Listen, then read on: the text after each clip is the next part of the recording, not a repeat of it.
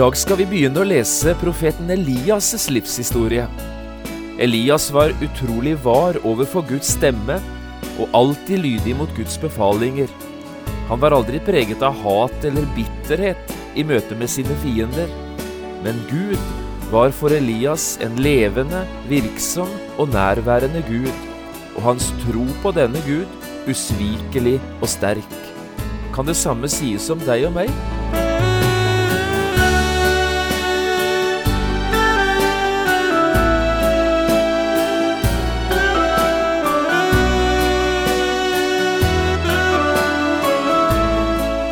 Hjertelig velkommen til et nytt program i serien Vindu mot livet.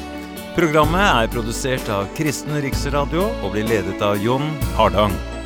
Kristen Riksradio drives av frivillige gaver. Vi er glade for din støtte.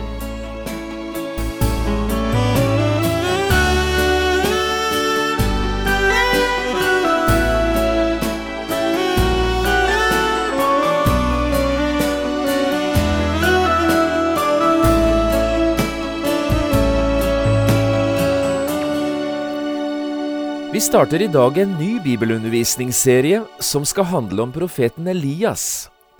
I tolv programmer skal vi gjøre en bibelvandring, der vi vil prøve å stanse ved de viktigste begivenhetene i denne berømte profetens liv. Du kan også få kjøpt denne programserien på CD ved å henvende deg til P7 Kristen Riksradio. I dette programmet skal vi lese om første gangen vi hører profeten Elias' navn nevnt i Bibelen. Det handler om første kongebok i kapittel 17, og der skal vi nå bare lese vers 1. Jeg har kalt dagens program Guds mann. Tispitten Elias var en av dem som var flyttet inn i Gilead. Han sa til Akab, så sant Herren, Israels Gud, lever, Han som jeg tjener. Det skal i disse år ikke komme dugg eller regn uten etter mitt ord.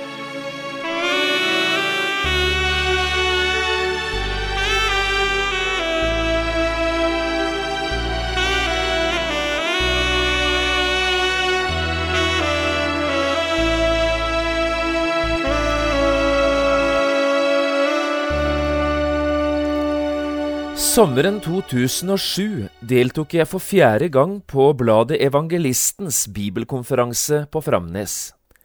Inne i Hardanger, i den nydelige bygda Nordheimsund, ligger et av de fineste kristne skoleanlegg vi har i hele Norge, Framnes kristne videregående skole.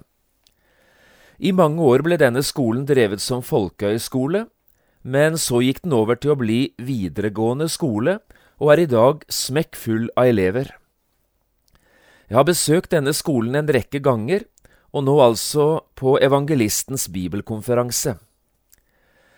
Det var ved denne anledningen jeg for første gang møtte kunstneren Audun Storås, pensjonist distriktslege, som både kommer fra og er bosatt inne i Nordheimsund. Sammen med en ganske stor gruppe av deltakere fra Evangelistens bibelkonferanse var jeg med Audun Storås da han selv guidet oss gjennom den vakre kirken i Nordheimsund. Her har han selv laget en del relieff utenfor kirken, med motiver hentet fra Kristi lidelseshistorie, og ikke minst, det er han som har laget en flott, utsmykket altertavle inne i kirken. Dette ble en utrolig fin opplevelse, både for meg og for alle dem som fikk være med denne dagen. Når jeg nevner kunstneren Audun Storås akkurat i dag, har det likevel ikke med Nordheimsund kirke å gjøre, men nettopp med skoleanlegget inne på Framnes. Også her har Audun Storås satt spor etter seg. Oppe i den store peisestua med en ganske utrolig utsikt over Hardangerfjorden henger en nokså spesiell bildesamling. Det er ti bilder i tallet. Ni av dem er tresnitt, og det tiende et oljemaleri. Og gjennomgangstemaet i denne billedserien er profeten Elias' livshistorie. Hvert enkelt bilde tar fram én scene fra den bemerkelsesverdige profetens liv. Disse bildene ble til midt på 1990-tallet, og ble til etter henvendelse fra Den norske Israelsmisjon. En gang på våren i 2006 snakket jeg med Audun Storås på telefonen nettopp om denne billedsamlingen, og da fortalte han meg historien om den. Den norske Israelsmisjon var i ferd med å skulle reise et kirkebygg i Haifa i Israel, ved foten av Karmelfjellet, og kirkens navn skulle være Beit Eliahu, eller Elias' hus, nettopp etter navnet på den profeten som vi forbinder så sterkt med Karmelfjellet. Og spørsmålet var nå om Audun Storås kunne tenke seg å stå for den kunstneriske utsmykkingen av det nye kirkebygget. Dette spørsmålet svarte Audun Storås ja til, og så laget han ni tresnitt og ett stort glassmaleri. Men alle kunstverkene ble laget i to eksemplarer. Ett gikk til Eliaskirken i Haifa, og det andre gikk til Framnes kristne videregående skole. Og det er det som henger her i peisestua. Bare det tiende bildet er forandret litt i forhold til originalen. Det ble altså opprinnelig laget i glass, og slik er det å se i Haifa i dag. Men på Framnes henger det som et oljemaleri, og det er malt som tro kopi av den nydelige glassmosaikken i Beit Eliahu, Elias' hus i Haifa. Et av tresnittene er også nokså spesielt. Det viser et portrett av profeten Elias' ansikt sett fra siden. Nå vet jo ingen hvordan profeten Elias egentlig så ut, men det er ikke vanskelig å se hvordan Audun Storås har hentet inspirasjon til dette motivet. På tresnittet kan vi tydelig se Børre Knudsens ansiktstrekk, altså den norske presten som ifølge kunstneren nettopp har hatt litt av dette profetiske over seg, som vi jo møter i profeten Elias sitt liv og i hans tjeneste. Jeg vet ikke om du som lytter til dette, har vært på Framnes noen gang, eller om du kanskje har besøkt Eliaskirken i Haifa. Da har du gjerne sett disse flotte kunstverkene, som jeg nå med ord har forsøkt å beskrive. Men hvis du ikke har sett dem, og en gang skulle få anledning enten til å besøke Haifa eller Framnes, ja, da har jeg lyst til å utfordre det. Stans foran disse ti Elias-bildene, og la dem få tale til deg. De kommer ganske sikkert til å inspirere deg til å lese profeten Elias' livshistorie, slik vi møter den i Det gamle testamentet. Nå er det selvsagt ikke så enkelt for meg her på radio å invitere deg med verken til Framnes i Hardanger eller til Haifa i Israel. Derfor vil jeg nå prøve å gjøre det på en annen måte. Jeg vil gjerne invitere deg med på en bibelvandring i Audun Storås sine fotspor. Og her skal vi lese profeten Elias' livshistorie. Vi skal stanse for de viktigste tingene som skjedde i denne originale og meget sterke profetens liv. Og jeg håper du har lyst til å være med på bibelvandring i profeten Elias' livshistorie. Det første vi da må gjøre, er å plassere profeten Elias i bibelhistorien. Derfor spør vi først, hvor i Bibelen er profeten Elias' livshistorie å finne? Du vet sikkert at profeten Elias var profet i Israel, og at han levde lenge før Jesus ble født. Dermed må vi altså lete i Det gamle testamentet i Bibelen for å finne historien om denne profeten. Og vi finner den i de to kongebøkene i Bibelen, nærmere bestemt i avsnittet fra første kongebok kapittel 17 fram til andre kongebok kapittel 2. Historien er dermed ikke særlig lang, den fyller bare åtte kapitler i Bibelen. Men den er ikke mindre viktig for det. I profeten Elias' liv og i hans tjeneste møter vi noe av det viktigste som skjedde i hele Israels historie, i alle fall når vi tenker på gammeltestamentlig tid. Så prøv nå for det første å merke deg bibelavsnittet, første kongebok 17 fram til andre kongebok 2. Det andre vi vil gjøre, er å gi en slags beskrivelse av den situasjonen som folket befant seg i da Elias sto fram som profet i Israel. Og heller ikke dette er det så komplisert å få en viss oversikt over. Profeten Elias står fram noen tiår etter at Israel ble delt i to, i Nordriket Israel og Sørriket Juda. Dette skjedde i året 922 før Kristus, og var et direkte resultat av det forfallet og frafallet som fant sted i kong Salomos regjeringstid. Da denne kongen, Salomo, døde, oppsto det en diskusjon hvem som nå skulle være den nye kongen i landet. Det var to kandidater som var aktuelle. Den ene var Salomos sønn Rehabiam, og den andre var hærføreren Jeroboam. Enden på visa var at begge to ble konge. Salomos sønn Rehabiam ble konge i Sørriket i Juda, et rike som bare besto av to stammer i Israel, Juda og Benjamin.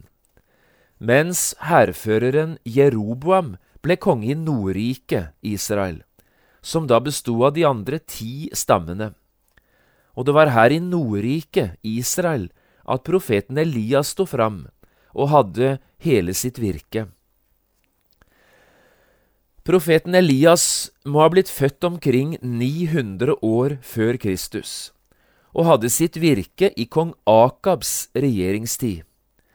Denne kong Akab var konge i Israel i 21 år, fra ca. 874 til 853 før Kristus.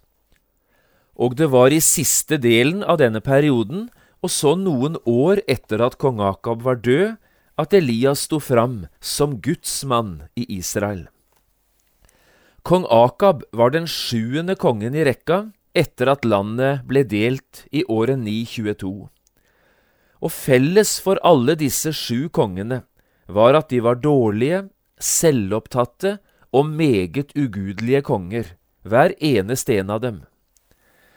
Nå skal du få noen glimt fra denne kongehistorien, som nok ikke er så godt kjent, men som altså er å finne i første kongebok, fra kapittel 12 til 16. Den første som ble konge, var som sagt Jeroboam den første. Han var konge i Israel i 22 år og styrte landet ut i en bratt nedoverbakke. Han videreførte avgudsdyrkelsen, innsatte hedenske avgudsprester på alle hellige steder, og også hans eget hoff var preget av hedenskap, av mord og av utskeielser. Jeroboam selv døde til slutt som et resultat av Guds dom. Etter Jeroboams død ble sønnen Nadab konge. Han fikk bare regjere i to år men i sin korte regjeringstid var han farens etterfølger i ett og alt, og førte dermed Israel bare enda lenger bort fra Gud. Etter to år som konge ble han drept av Baesa, som nå overtok kongemakten etter Nadab. Baesa fikk en betydelig lengre regjeringstid enn sin forgjenger. Han var konge i Israel i hele 24 år han var altså ikke i slekt med Jeroboams hus, og innfører dermed et nytt dynasti i Israel. Han var meget mistenksom og var hjerteløs, og dermed drepte han alle han kom over som hørte det gamle kongehuset til. Men også Baesa vakte Guds harme ved å styre landet enda lenger bort fra Gud, og til slutt ble han myrdet, også han. Konge nummer fire ble sønnen til Baesa, nemlig Ela. Også han fikk en kort regjeringstid på to år. I sin hær hadde han en offiser som het Simri. Han fikk i stand en sammensvergelse mot denne kong Ela, og en gang, da kongen hadde drukket vin i et selskap og blitt nokså full, så drepte Simri kongen og overtok selv kongemakten. Også Simri sørget for å drepe alle som hørte kong Elas hus til, og drepte dessuten alle hans venner. Dette gjorde Simri selvsagt for å trygge sin egen kongemakt. Men hans lykke skulle bare vare i sju dager. Da folket ble gjort kjent med det som var skjedd, utropte de umiddelbart en annen hærfører, Omri, til konge Israel. Han angrep Simri, som forsto at situasjonen var håpløs. Han satte rett og slett fyr på hele slottet og drepte både seg selv og alle sine venner og sin familie på denne måten. Omri, som nå ble den sjette kongen, fikk regjere i tolv år. Det var han som gjorde Samaria til ny hovedstad i Israel istedenfor Tirsa. Ellers fortsatte han bare det samme ugudelige livet som hans forgjengere hadde levd. I Guds øyne var han imidlertid den verste av dem alle. Og så, da denne Omri døde, ble sønnen Akab konge i farens sted, den sjuende kongen i Nordriket Israels kongerekke.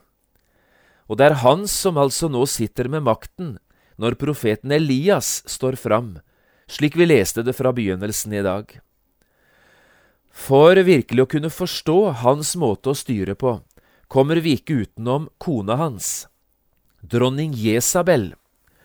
Hun var hedensk prinsesse fra landet i nord, fra Sidon, og hennes far var konge over hele Fønikia.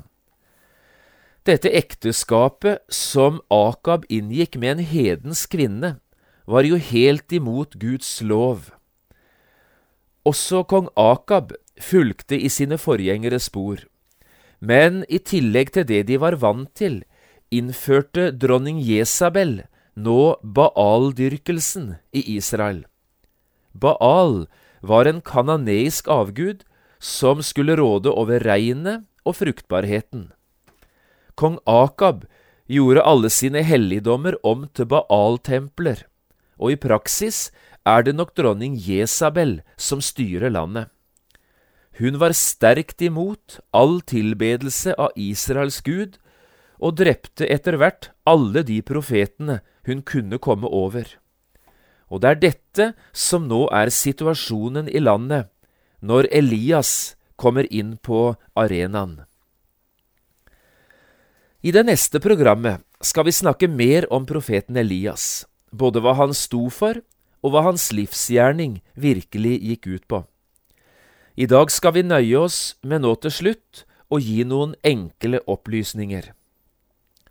Elias var født og oppvokst i den vesle byen Tispe, som lå på østsiden av Jordanelven, i området som kalles for Gilead. Nå kommer han reisende inn i Israels land. Her oppsøker han kongens hoff, og så begynner en spennende og vanskelig tjeneste som Guds profet i Israel.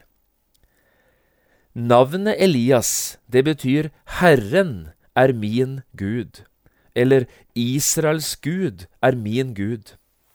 Og bare i dette navnet lå det en stor utfordring til den rådende gudsdyrkelsen og til det levesettet som både kongehuset og folket for øvrig praktiserte.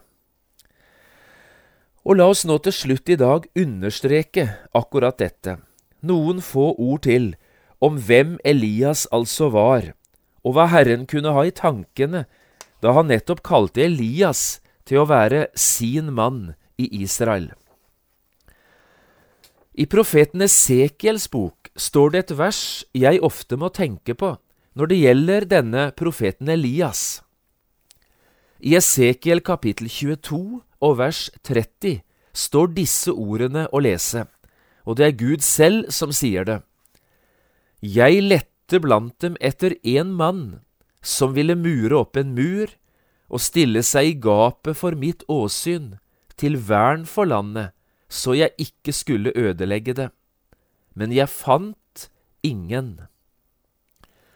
Det Herren lette forgjeves etter på profeten Esekiels tid, det tror jeg han fant på kong Akabs tid. Han fant Elias, ildprofeten. Det første Elias nemlig sier når han trår fram for kong Akab og dronning Jesabel, det er dette. Så sant Herren Israels Gud lever, Han som jeg tjener. Eller som det sto i en del gamle oversettelser, så sant Herren Israels Gud lever, Han for hvis åsyn jeg står. Og det var nettopp dette profeten Elias gjorde. Han ønsket å mure opp en mur og stille seg selv midt i gapet for Guds åsyn, til et vern for landet, så det altså ikke skulle ødelegges eller bli rammet av Guds endelige dom. Profeten Elias' livshistorie, det er historien om hva Gud så er i stand til å utrette når han bare får frie hender i én enkelt manns liv. Og nettopp i dette perspektivet møter vi tre viktige lærdommer fra første delen av profeten Elias' historie. 1. I vanskelige tider leter Gud ofte etter én person som han så ønsker å gjøre til et redskap for sitt ord. 2. Guds metoder for å nå dette målet kan ofte virke helt overraskende på oss. Hans dommer er uransakelige, og hans veier usporlige. Og tre, først og fremst handler dette om hva Gud kan få utrette i og gjennom det mennesket som står for Gud med hele sitt liv, og som ikke ønsker å ha noen annen autoritet enn han. Men på denne måten blir dermed profeten Elias også et strålende forbilde for deg og meg som lever i dag. Og kanskje skulle vi våge oss på en sammenligning. Elias var utrolig var for Guds stemme, og alltid lydig imot Guds befalinger. Han var aldri preget av hat eller bitterhet i møte med sine motstandere. For Elias var Gud en levende, virksom og nærværende Gud. Og i møte med denne Gud var Elias' tro usvikelig og sterk. Jeg bare spør, kan dette sies om deg og meg i dag?